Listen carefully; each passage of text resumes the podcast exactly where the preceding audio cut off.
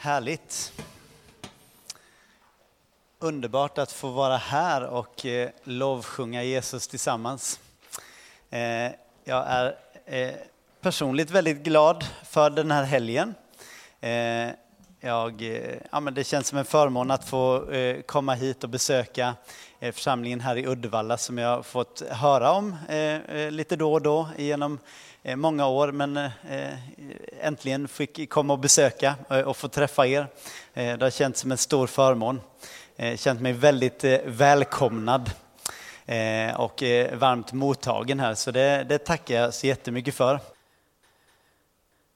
Idag så tänkte jag att jag skulle dela någonting med er som jag egentligen eh, eh, ja, men när jag eh, började förbereda inför den här helgen eh, så, eh, så kände jag ganska tidigt att jag bara ville dela med mig av ett väldigt enkelt budskap här på söndag förmiddagen. Och egentligen så har jag bara en punkt. Gud vill använda ditt hem.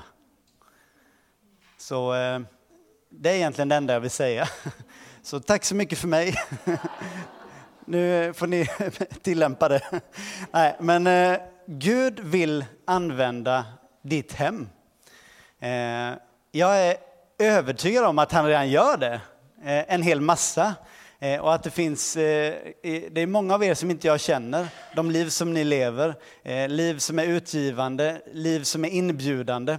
Eh, eh, och jag är övertygad om att Gud redan gör det och idag så vill jag bara uppmuntra er till det, att fortsätta på den vägen eh, och kanske sporra lite att ta nya steg framåt.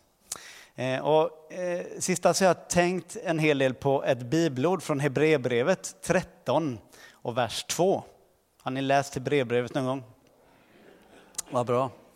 Det är ett väldigt bra brev. Alltså ett av mina favoritbrev av alla brev som finns skrivna. Eh, det finns många andra bra brev i Bibeln, men Hebreerbrevet är väldigt bra. Eh, Hebreerbrevet 13 och 2 står det så här. Glöm inte att visa gästfrihet. För genom gästfrihet har några fått änglar till gäster utan att veta om det. Det där är ett ganska märkligt bibelord egentligen. Eh, och jag har liksom många gånger funderat över hur går det där till egentligen? Eh, och, och, och, vilka är de där änglarna och vem, vem är det som har fått dem som gäster? Eh, och så vidare. Det här, som, det här med gästfrihet, det, det löper liksom som en... Eh, alltså jag ska inte säga att det är Bibelns röda tråd, absolut inte. Men det är ett tema som återkommer i Bibeln vid många tillfällen. Eh, vid vissa tillfällen så uppmanas det till gästfrihet. Eh, vi ska eh, visa varandra gästfrihet, vara ivriga att visa varandra gästfrihet. Vi ska visa gästfrihet utan att klaga eller knota, står det på något ställe. Eh, eh och vid det här tillfället eh, står det att vi inte ska glömma att visa gästfrihet. För genom gästfrihet har vissa fått änglar som gäster.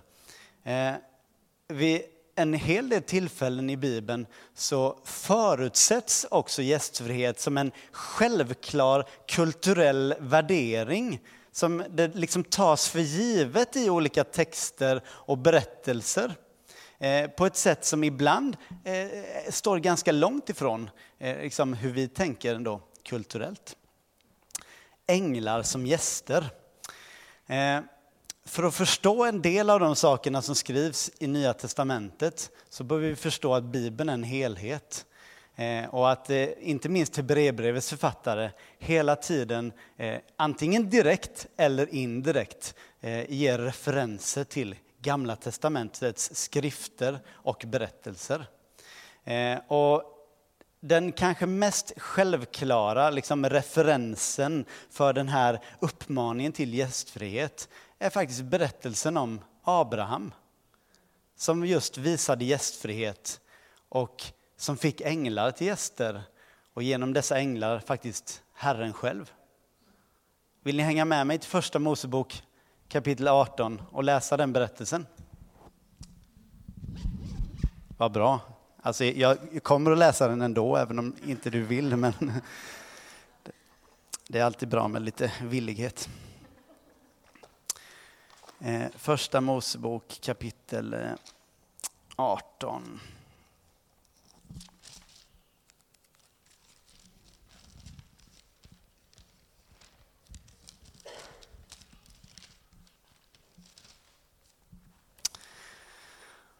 Och jag läser ett, eh, ett litet stycke där.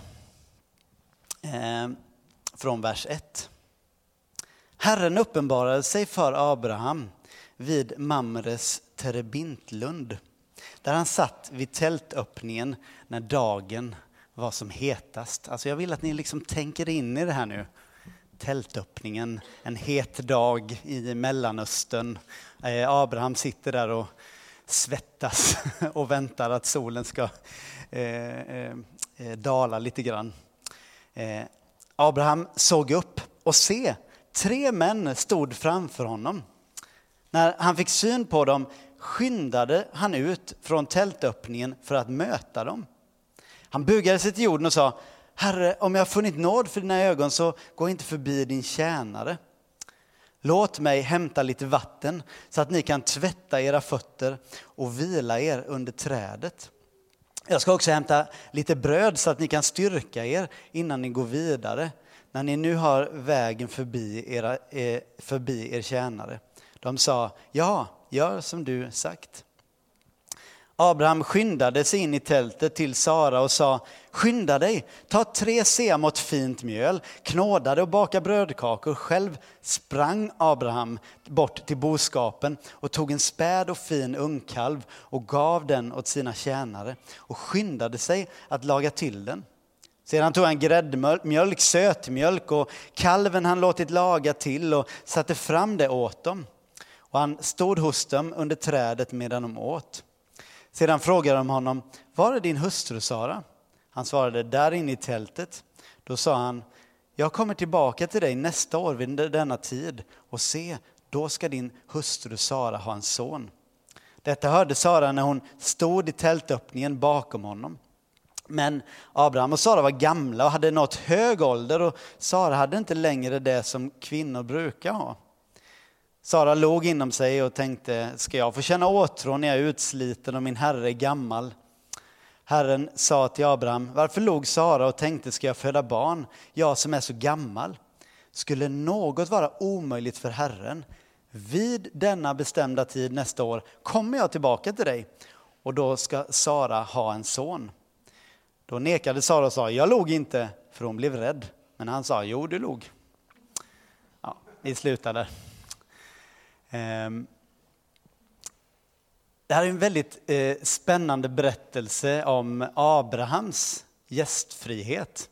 Eh, och när jag läser den här berättelsen så ställer jag mig själv frågan, vad tänkte Abraham om de här tre männen som kom? Eh, visste han vem eller vilka det var? Eh, och jag, giss, alltså jag gissar att han anade att det var någonting. Eh, någon kanske tänker, men självklart, han måste veta att, att, att det var Gud som kom, för annars hade han ju inte ansträngt sig så där mycket liksom för att ta emot de där männen. Men faktum var att i Abrahams kultur, i hans sätt att förhålla sig till en främling som var på förbiresa, så var, var det liksom en plikt, en självklarhet att man skulle ta emot främlingen. Eh, visa gästfrihet, se till att, eh, att, eh, att de som kom förbi fick sina magar mättade och fick dricka och vila lite kanske i tältets eller trädets skugga och så vidare. Kanske anade Abraham att det var något speciellt med de där männen. Men ändå, jag menar, Gud hade uppenbarat sig för honom, talat till honom. Vad skulle få honom att tro att det var Gud för att det var tre män som kom gående? Det är en, en märklig uppenbarelse av Gud att dyka upp på det där sättet i Abrahams liv. Men vilka konsekvenser det fick för honom. Att han visar den gästfriheten till Herrens ängel, Herrens änglar och, och liksom till Gud själv vid det här tillfället. Han hade fått löftet om att han skulle bli ett stort folk och vid det här tillfället liksom förnyas det löftet igen mitt i deras tvivel. Liksom. Eh, och framförallt då Saras tvivel så, så fick Gud komma med det här budskapet, liksom att ja, men jag står vid mitt löfte, vid denna tid om ett år så kommer du, kommer ni att ha en son. Eh, och läser man vidare så, så, så innebär detta också hur liksom Abraham utvecklar en slags nära vänskap med Gud. Han till och med liksom förhandlar med Gud om eh, Guds dom över människors liv och liksom allvarliga saker. Abrahams gästfrihet fick stora konsekvenser för resten av berättelsen som vi, som vi kan läsa. Eh, och vad han visste eller inte visste precis när de där tre männen stod på hans tröskel, jag har ingen aning. Eh, men det är otroligt, eh, en, en väldigt spännande berättelse tycker jag. Eh, den berättelse som kommer efter den här berättelsen är desto mindre spännande och mer hemsk och tragisk. Berättelsen om Sodom och Gomorra som Gud dömer med svavel och eld. Och men för att vi talar om detta med gästfrihet så, så vill jag lyfta en väldigt intressant tanke.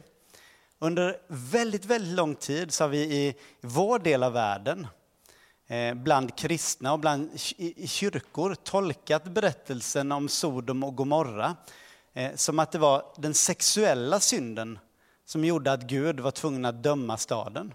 Och det finns vissa indikationer på det. Men det är väldigt intressant när man talar med kristna från andra delar av världen som läser Bibeln med andra kulturella ögon. Till exempel kristna i Indonesien. De säger den självklara synden som folket i Sodom och Gomorra begick, det var att de inte visade gästfrihet. Det var anledningen till att Gud var tvungen att döma dem. De, de, de eh, liksom tolkar berättelsen på ett helt annat sätt. Eh, de läser berättelsen om Abraham och hur han liksom springer för att fixa mat och, och, och, och dryck och allting till, till de här männen som kommer eh, honom eh, på besök. Och sen så läser de berättelsen vidare om hur männen kommer till Sodom eh, och, och, och, där eh, tas man inte emot i staden på det sättet utan istället så vill man göra hemska saker med sina besökare eh, liksom på något sätt antitesen mot gästfrihet, antitesen mot att ta emot besökaren eller, eller främlingen. Eh, och det kanske ligger en poäng i båda tolkningarna. Jag vet inte. Men jag tror det är nyttigt för oss att, att liksom, eh, lära oss att läsa Bibeln med lite andra glasögon än våra västerländska svenska glasögon. Vi, vi i västvärlden tänker väldigt mycket utifrån en skuld-mindset. Alltså vi tänker utifrån eh, att inte bryta olika regler som gör att vi blir skyldiga liksom, till att vi har gjort något fel. I många andra delar av världen så tänker man mer utifrån ett skam-mindset, där det mer handlar om eh, om jag inte gör vissa saker så kan det innebära att jag drar skam över mig själv och alla omkring mig. Eh, och då blir gästfrihet inte bara en extra grej liksom man kan göra, utan en slags självklar del av livet. Eh, som Abraham gjorde, som människorna i Sodom inte gjorde. Men för att gå vidare då. Tänk vad fantastiskt och vilket löfte att genom gästfrihet så kan vi liksom få välkomna Guds egen närvaro i våra egna liv och i våra egna hem. Och jag är övertygad om att, att vi, vi behöver göra som ett slags tankeskifte och inse att Gud, han är hela världens herre. Ibland gör vi såna uppdelningar liksom i tid och i rum, där vi tänker att vissa tider är lite mer heliga och där Gud är lite mer närvarande. Vissa platser är lite mer heliga och Gud är lite mer närvarande. Men Gud, han är hela världens herre. Hans plan är att hela skapelsen ska få bli uppfylld av hans härlighet. Och tänk att det till och med inkluderar ditt och mitt hem. Om du bor i en herrgård, jag vet inte om det är någon här som gör det, så inkluderar det din herrgård. Eh, om du bor i en etta med kokvrå så inkluderar det din etta med kokvrå. Och, och har du ett helt annat typ av hem så inkluderar det ditt hem. Gud vill komma och vara närvarande i våra hem. Och ett av sätten för det är att vi får visa gästfrihet. Den typ av gästfrihet som, som liksom Gud själv på något sätt vill ge uttryck för och, och, och vill liksom, ja, förmedla till oss. Att, att vi får bli som honom i det, välkomnande.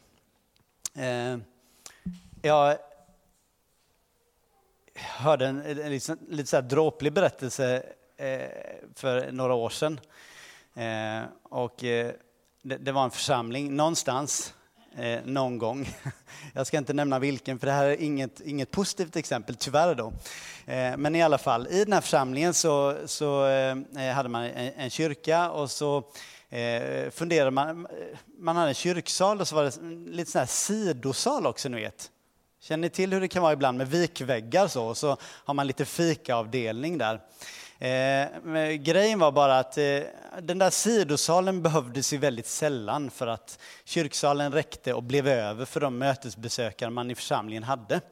Eh, så en del eldsjälar i församlingen tänkte, men låt oss göra en fritidsgård eller någonting schysst för ungdomar här i sidosalen. Eh, och så började man fundera på att ja, men vi, vi kan köpa ett biljardbord och, och ha där i sidosalen. Den stora diskussionen sen i församlingen det blev huruvida sidosalen var en del av kyrkorummet eller inte. För om sidosalen var en del av kyrkorummet, eh, ja, men då kan vi inte ta in något så oheligt som ett biljardbord i det heliga kyrkorummet. Eh, och, eh, alltså det, det, är en väldigt så här, liksom, fånig, dråplig berättelse och, och berättelsen förtäljer inte riktigt hur, hur, hur, det hela slutade. Men säger lite grann om hur vi ibland tänker liksom, om det här uppdelat mellan heligt och icke heligt. Eh, vi, vi drar såna här gränser eh, och försöker liksom boxa in det heliga. Medan Gud, han vill inte låta sig boxas in. Han vill uppfylla hela tillvaron, hela våra liv, hela världen, våra hem, våra arbetsplatser och så vidare, överallt. Allt är heligt. Jag menar, det där, eh, framförallt, hur ser man på biljard? Varför skulle det vara oheligt? Och vad är helighet? Risken är ju att helighet mest blir ihålighet. Om vi liksom fastnar i sådana här tankesätt. Helighet, Guds helighet, den kan få uppfylla hela tillvaron och även ditt och mitt hem. Eh, en, en väldigt spännande del av kyrkohistorien är ju faktiskt att under de 300 första åren av kyrkans historia så liksom, eh, möttes man och evangeliet spreds vidare liksom, till, framförallt från hem till hem. Eh, det är egentligen först på 300-talet som man får de första liksom, byggda byggnaderna för eh, kyrka, liksom, eh, för att församlingen skulle kunna mötas i en speciellt, eh, speciellt avsedd plats. Eh, att, att eh, låta hemmet vara en bas för församlingen var någonting som var helt naturligt eh, under de 300 första åren av kyrkans historia. Och, och, som faktiskt alltid på olika sätt har, har tagit sig olika uttryck genom historien. I Romarbrevet kapitel 16 och 5 så, så skriver Paulus till exempel, hälsa församlingen som möts i deras hus. Eh, han, han hälsar till olika församlingar som möts i olika hem.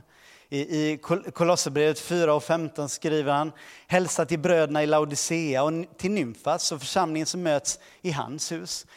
Och det finns flera sådana eh, exempel i Nya Testamentet.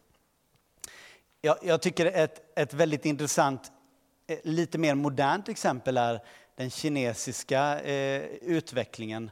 Där men i Kina eh, under kulturrevolutionen när man eh, men, Eh, Eh, de kristna i Kina var eh, en, eh, inte sådär jättemånga. Men mitt i det så tar kommunisterna över och säger att nu ska vi riva alla kyrkor.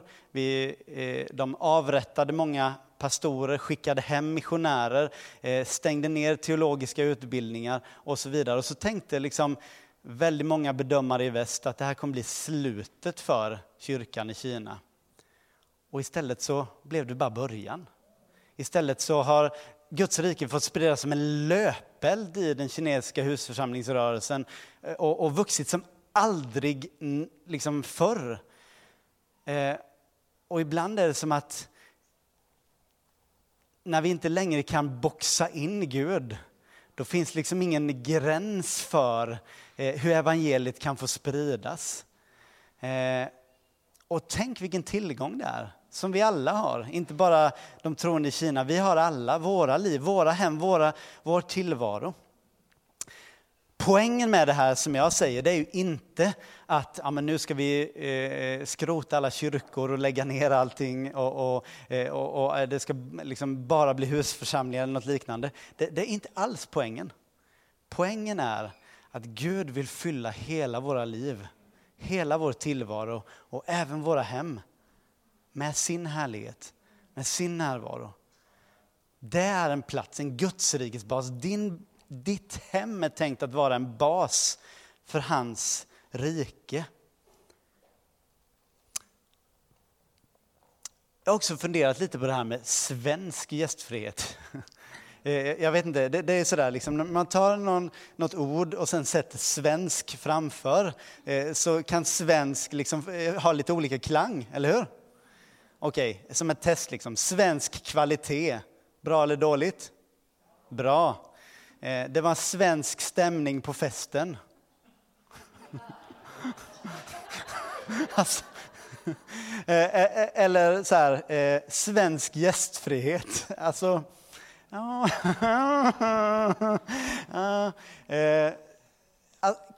det finns ju, eh, för, alltså alla här är ju undantag till det här nu, självklart, så att det, det är inte om er eh, jag talar såklart. Men en klassisk svensk gästfrihet är sådär att, att vara någon som lite oftare än andra bjuder hem människor, eller hur?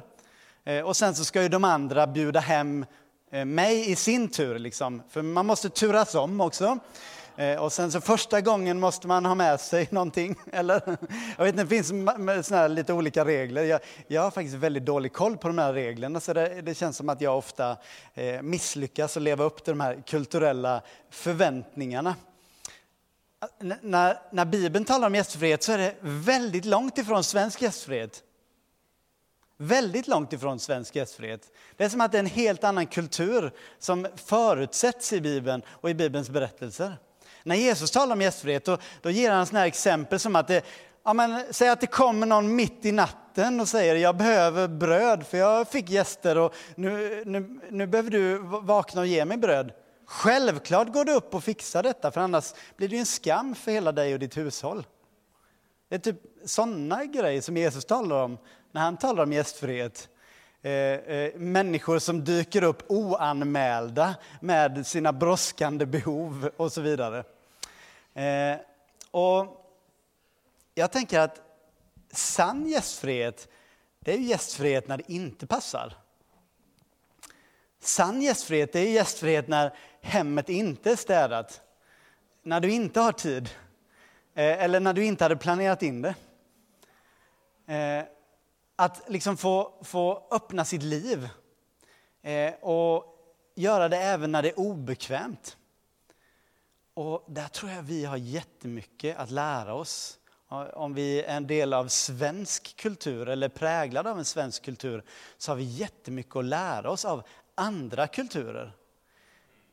Kulturer från andra delar av världen när det kommer till gästfrihet står oftast betydligt närmare Bibelns ideal än den svenska kulturen. Tänk om vi skulle våga erkänna det. Det finns säkert andra saker som vi är världsbäst på, inte vet jag. Gästfrihet är inte en av de sakerna. Vi behöver växa i detta och, och inse att det finns en Gudsrikets kultur som kan få prägla våra liv. Eh, jag är inte uppvuxen i en svensk familj utan i en, i en brasiliansk familj. Och mamma har svenska rötter men är född och uppvuxen i, i Brasilien som missionärsbarn och min pappa är, är är brasiliansk. Eh, och i, i Brasilien så är det en annan typ av gästfrihet där eh, människor kommer och går hela tiden och det, det är folk som äter tillsammans och det, det, är liksom, det, det är rörigt och det är kindpussar och det är liksom, eh, eh allt möjligt. så va? Eh, och för, för, mamma och pappa när de flyttade till Sverige så bestämde de sig för att amen, vi, vi vill ha ett öppet hem. Eh, och, och, pappa sa det att när man lagar mat då ska man alltid laga dubbelt så mycket mat som behövs. För man vet aldrig vem som dyker upp. Eller hur? Eh, ibland så kan det leda till lite matslöseri och sådär.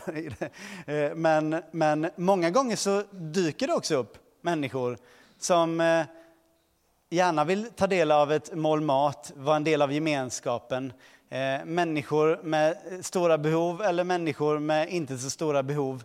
Eh, och för mig var det liksom en naturlig del av hela min uppväxt att det alltid var olika människor runt matbordet. Eh, och att det var sättet som man på något sätt, det var så det var liksom. Eh, utan förväntan att människor skulle bjuda tillbaka eller något liknande. Eh, och det är jag väldigt tacksam för. Så jag skryter lite om min mamma och pappa. Hoppas det är okej okay här i den här förmiddagen. Med lite skryt. Men jag skryter över dem. Jag kommer ihåg när, jag flyttade, när vi flyttade till Helsingborg. Eh, så, eh, så flyttade vi in då i, i, en trea. Det var jag, min fru, vårt nyfödda barn, eh, Alva. hon var bara tre veckor gammal när vi flyttade in i lägenheten där. Och sen så fick vi från dag ett en inneboende, Simon hette han. Han hade ett eget rum. Och, och vi, vi bodde tillsammans under eh, under det första året, då, eller Simon var inneboende hos oss under det första året. Eh, men så eh, hade vi en massa grannar där i huset, eller så, och vi ville såklart lära känna våra grannar så att jag, jag eh, gick och eh, eller jag och Jessica gick och vi, vi skrev nästan inbjudningskort. Vi hade flyttat in i september eller oktober och sen när det närmade sig december så tänkte vi, vi bjuder grannarna på adventsfika. Det blir ju hur trevligt som helst. Så vi, vi la eh, inbjudningskort i alla eh, grannarnas brevlådor i hela trappuppgången. Det var väl eh, drygt tiotal lägenheter och, och bullade upp rejält liksom med bullar och kakor och, och, och allt möjligt. Och sen när lördagen kom så kom det en person. eh, och eh, ja, det var lite sådär kymigt, liksom. vi satt där med, med bara henne. Och, ja, men eh, det, det, blev ändå eh, trevligt. så. Va? Men i vilket fall som helst så, så hade vi några grannar rakt över då, som, som kom från Bosnien. Eh, och, och de blev så begeistrade över detta och kom och sa, alltså vi kan inte på lördag, men Wow, vilken grej! Det är aldrig någon som har bjudit in någon i det här eh, trapphuset förut. Vad är ni för några egentligen? Men alltså wow! Eh, och, och tyckte det var helt fantastiskt. Och det gjorde att vi fick väldigt fin kontakt med de här eh, bosniska grannarna. Då. Eh, härlig, härlig familj. Liksom. Sen ett litet tag senare så, så visade det sig att det var lite problem med, med, jag tror att det var deras skrivare som strulade, jag bara råkade höra det. Så jag sa det, ja, men eh, alltså, jag brukar kunna fixa en skrivare, så om, om ni vill kan jag eh, komma hem och, och, och se, liksom, försöka hjälpa er. Eh, så de sa, men absolut, kom, kom Cruise. De kallar, började kalla mig för Tom Cruise av någon anledning. De tyckte att det var så kul att jag hette Cruise i efternamn. Så. Eh, eh, kom, eh, så sen då när jag skulle komma hem till dem och så kliver jag in där över tröskeln Eh, och så direkt när jag kommer över tröskeln så bara titt, kollar de på mig med stora ögon så när jag går in i deras hus. Så här, liksom alla blickar är vända mot mig. Jag, jag undrar så här, vad är det? Typ? Var, varför tittar ni på mig? Det här är en stor dag, säger de. Det här är första gången en svensk kommer till vårt hem. På 20, över 20 år som vi har bott i Sverige så en svensk aldrig varit hemma hos oss. Det här är en stor dag. Och, och det, det är så fantastiskt att du är här. Och sen en stund senare när, när, eh, jag får berätta lite mer om mig själv och att jag är halvbrasilianare så, då bara, ja okej, okay, ja men då så, det förklarar i saken liksom, okej. Okay. Eh, men vi fick en väldigt fin kontakt och jag tror det var andra gången som jag var hemma hos dem, så, så säger pappan i familjen, Kros, bara så att du vet, vårt hem är ditt hem. Allt som vi har, det tillhör dig. Behöver du någonting, du kan alltid komma hit. Behöver du hjälp, Fråga oss, vi kommer hjälpa dig. Vad du än behöver, det är ditt. Eh, andra gången jag var där eh, uttrycker de detta. I juni så var jag nere i Libanon och, och eh, fick göra en massa intressanta rundresor på olika platser till olika folkgrupper, och olika sammanhang. Eh, en av de besöken som gjorde djupt intryck på mig var när vi eh, reste in i den shia-muslimska stadsdelen.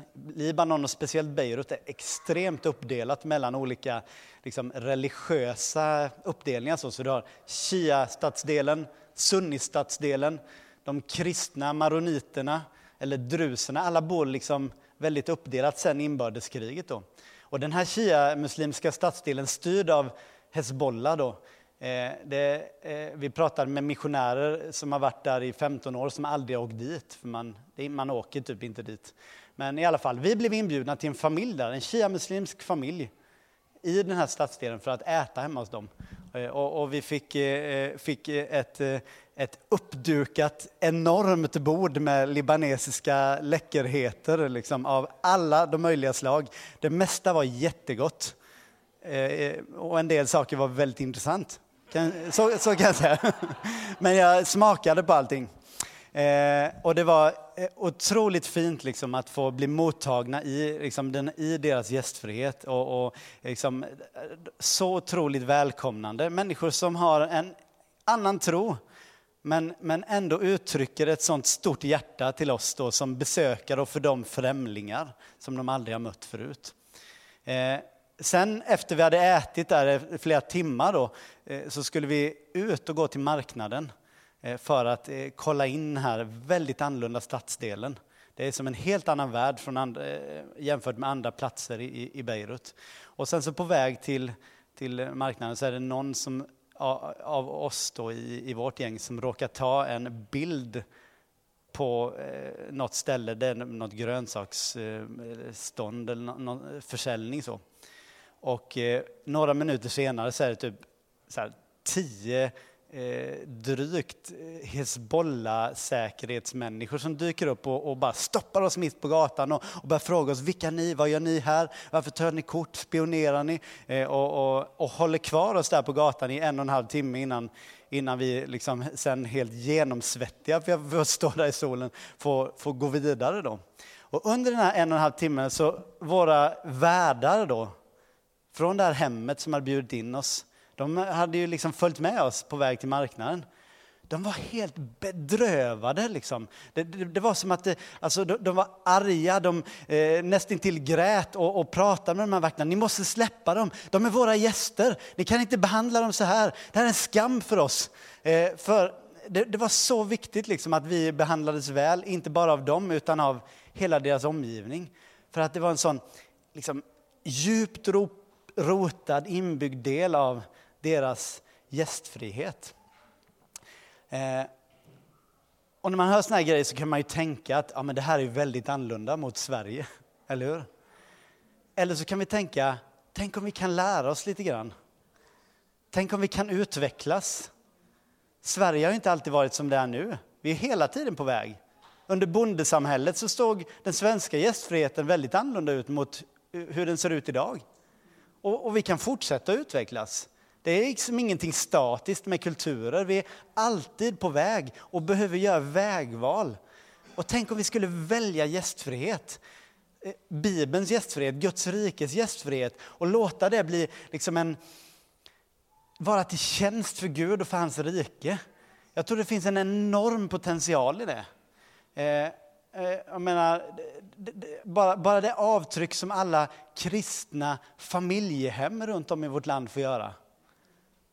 Man, man, man kan tänka, men liksom, gör det någon skillnad och så vidare. Jag tror det gör enorm skillnad. Enorm skillnad på lång sikt. Vilket avtryck man får göra i människors liv. Och det är verkligen att öppna sitt hem.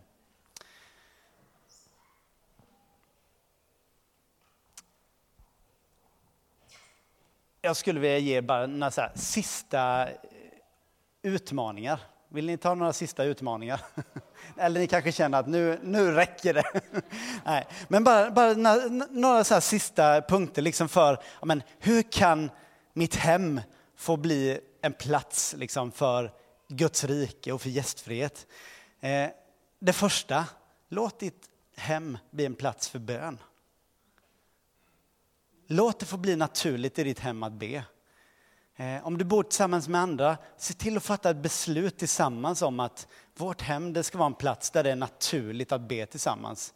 Inte sådär krystat liksom som att, ja men nu måste vi be också innan vi går hem. Utan som att det är naturligt. Igår pratade vi om att vända problem till böner. Jättebra början att göra hemma med barnen om du har barn. Eh, att, att eh, se till att hemmet, familjen, liksom, oavsett vilka man bor med eller delar livet med. Eh, om man bor själv så gör man det med dem som, som kommer på besök. Att det blir en naturlig del, liksom, att vi, vi möter problem med att be. Vi möter de positiva sakerna med att tacka Gud. Och vi gör det naturligt i vardagen, vi gör det i vårt hem. Det, det andra är, låt ditt hem bli en plats för bibelläsning. Och jag, bara som en speciell uppmuntran till alla som är föräldrar att gör det med era barn. Ni gör det förmodligen redan, men fortsätt göra det. Lägg inte ut barnens andliga fostran på entreprenad till någon expert. Vi som föräldrar behöver ta det ansvaret. Vi behöver lägga grunden som familj och tillsammans med människor som, som kommer och är, är våra gäster. Det tredje, låt ditt hem bli en plats för både troende och icke-troende människor. Eh, en plats där människor liksom känner sig välkomnade och hemma. Eh, den typen av hem är platser där, där, där människor får, får möta Gud, det är jag övertygad om. Eh, för det fjärde, låt ditt hem bli en plats för människor med olika bakgrund, kulturellt, etniskt, språkligt eller vad du eh, än vill kalla det för. Jag, jag nämnde det lite grann igår, det här med att ja, men, vi pratar så mycket om integration och behovet av integration. Här, här har vi en sån enorm tillgång i den enkla gästfriheten, i att bjuda in, i att låta sig bli inbjuden. Vet ni att det finns jättemånga hem i Uddevalla som kommer från annan kultur dit du skulle kunna gå och knacka på och fråga Hej, får jag komma in och äta lite mer? Och de skulle säga ja. Det finns jättemånga sådana hem i Uddevalla. Idag. Tänk om våra hem också skulle vara sådana hem. Eller? Eh, tänk, tänk, om allt fler hem är hem där människor möts över kulturella gränser, gör lite obekväma kulturkrockar, lär sig av varandra, eh, lär sig några nya ord på något nytt språk och, och, och skaffar vänner som är lite annorlunda än en själv. Så otroligt berikande. Och tänk vilken tillgång för Guds rike när Gud får börja använda de relationerna, de kontakterna, de mötena och de tillfällena. För det sista då, låt ditt hem bli en plats där människor får höra om Jesus och erfara hans närvaro. Låt det få vara någonting naturligt hemma hos dig. En plats att sprida Guds rike. Det förutsätter ju det här som en tredje punkt nu, att det även finns människor som, som ännu inte är troende. Eh, som eh, då och då är hemma hos oss, eller hur? Men att, att det får vara naturligt att dela med oss av Jesus hemma hos oss, hemma hos andra. Eh, när vi läser evangelierna, Jesus gjorde så mycket grejer i hem. Ja, men också i synagogor. Ja, men också i hem. Eller hur? Också i hem. Och på torg och på andra platser. Eh, han helade Petrus svärmor i ett hem. Eh, han undervisade i ett hem när de eh, liksom sänkte ner den lame mannen genom taket. Eh, han var hemma hos Maria, Marta och Lazarus när Maria satt vid hans fötter och Marta sprang omkring och fixade med, med, med maten och disken. Han, alltså, och så vidare och så vidare. Så mycket tid som Jesus spenderade i olika hem. Tänk om våra hem skulle få vara hem där människor får möta Jesus, höra om Jesus, bli berörda av Jesus. För ett litet tag sedan så hade jag en, eh, eh, det var en, igår berättade jag om en eh, klasskompis pappa till, till ett av mina barn. För ett litet tag sedan så var det en annan klasskompis pappa som var hemma hos oss. Också så här, bara komma in på kaffe en, en eftermiddag. Och vi hade ett jättehärligt samtal där vi satt liksom och och, och, pratade. Och det visade sig att han, han är en Star Wars-fan typ i min ålder, kanske något yngre. Och jag gillar också Star Wars, så att eh, vi, vi liksom hade en gemensam punkt där, att vi kunde prata om olika filmer och, och, och sådär. Eh, men sen av någon anledning så gled vi in på Jesus och eh, hur Jesus rör vid människors liv och, och, och liksom hur Jesus kan hela människor och, och ja, men komma med hopp in i människors liv. Och så berättade han att han hade ont i ryggen. Så ja, men jag sa det, men kan inte, kan inte jag få be för dig? Så och han bara, ja, absolut, det får du jättegärna göra. Eh, så jag bara lägger handen på honom och ber för honom i Jesu namn. Jag ber att jag ska röra vid den här mannen och bad en ganska kort bön liksom för hans rygg och för hans liv. Då. Eh, och eh, så blev han helt så här, stelnade till. Det är, som, det är som energi genom hela min kropp. Alltså, det är som the force i Star Wars. Eh, alltså, eh, vad, vad, är det här för någonting? Eh, alltså, är, är, det någon slags magi eller vad, vad, vad är det för någonting? Nej, men du vet, det är bara Jesus. Han, du vet, han älskar dig så mycket. Hur, hur känns det i ryggen förresten? Nej, det är fortfarande ont. Så eh, jag fick be lite till för hans rygg och ryggen blev inte bra. Ibland kan det vara så där när man ber att det händer andra saker än det man hade tänkt. Men han var ju nästan så här, han bara skakade liksom av, han kände som energi och elektricitet som gick genom kroppen. Så här, men det här måste vi prata mer om, eh, den här, den här kraften som jag har fått uppleva. Eh, och absolut, alltså jag pratar alltid jättegärna mer om Jesus. Det finns ingen gräns där. Så eh, vi, vi, får träffas igen. Och jag tror att eh, jag menar, i all enkelhet att vi kan liksom bara få förmedla Jesus till människor Eh, i vår vardag, i våra hem. Eh, liksom, genom vår liksom, omtanke och kärlek, eh, genom eh, matlagning, eh, genom enkla böner eller att fylla behov. Eh, och Gud bara längtar efter att vi alla skulle få överlämna hela våra liv och våra hem till Gud. Eh, att han verkligen skulle få vara Eh, den som fyller hela jorden med sin härlighet. Eh, och att vi får vara en del av det. Eh, och ja, Det är egentligen liksom det jag vill säga den här förmiddagen. Gud vill använda ditt hem. Där du är vill Gud använda dig.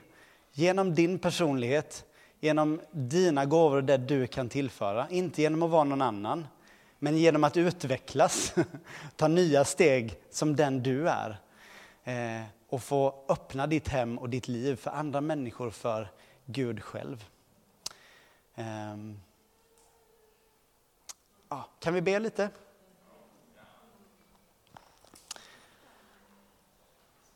Tack Gud för din underbara godhet och nåd. Jag tackar dig att du älskar oss så otroligt mycket. Eh, jag tackar dig att det är den första kärleken, att du först har älskat oss. Allting som, som vi är, gör eller liksom säger till dig, det är bara som en respons på din egen kärlek till oss. Här. Vi, vi är bara så tacksamma att få vara dina barn. Tackar dig för mina syskon den här förmiddagen här i, i den här församlingen. Jag ber att du ska leda dem. Eh, och jag ber att du ska leda oss alla Eh, låt den här tiden, som på många sätt är en omvälvande tid i vår omvärld eh, med mycket osäkerhet och eh, liksom, eh, ja, men en osäker framtid på många sätt. Låt det få vara en, en framtid där vi inte är de som sluter oss eller tänker att nu ska vi bara ta hand om oss själva och skita i andra. Utan eh, vi vill vara de som sträcker ut våra händer för att hjälpa. Vi vill vara de som öppnar upp våra liv våra hem för dig och för andra människor. Eh, vi vill vara i tjänst för ditt rike och låta din härlighet uppfylla hela jorden. Gud, vi vill inte backa tillbaka i fruktan liksom över att det ska bli för dyrt att leva eller något liknande, utan vi vill ta steg framåt i tro tillsammans med dig, i tron på att vi ska få göra skillnad för andra människor, Herre. Och Gud, tack att vi den här morgonen får liksom ställa våra liv, våra hem till ditt förfogande. Och jag, jag ber Gud att, att du också talar till oss personligen, Herre. Jag, jag vill lägga allt det här som jag har delat i, i, liksom vid dina fötter, Jesus, i dina händer. Eh, jag ber att du talar till var och en personligen och, eh, och visar liksom vägen framåt. För varje individ, varje familj, varje hem och hushåll. Visa en väg framåt Gud, att ta nya steg. Nya steg i gästfrihet, nya steg i att, i att välkomna det som du vill göra. Tack att du vill tala. Tack att du vill visa, Herre. Tackar dig för det. Bara välsigna mina bröder och systrar, Herre Gud. Jag ber att du ska leda dem längs eh, vandringen, Herre. Jag vill också be Gud specifikt för de hem som, som redan under lång tid har varit öppna hem och som eh, på, på så många sätt har fått vara baser för ditt rike. Eh, och vissa av dem kanske känner trötthet och eh, liksom, eh, behov själva. Jag ber Gud att du ska fylla på med ny kraft, ny energi. Tack att du vill belöna. Tack att du vill fylla på och ge av dina goda gåvor, Herre. Eh, tack Herre, tack att du leder. Tack Jesus. Tack Jesus.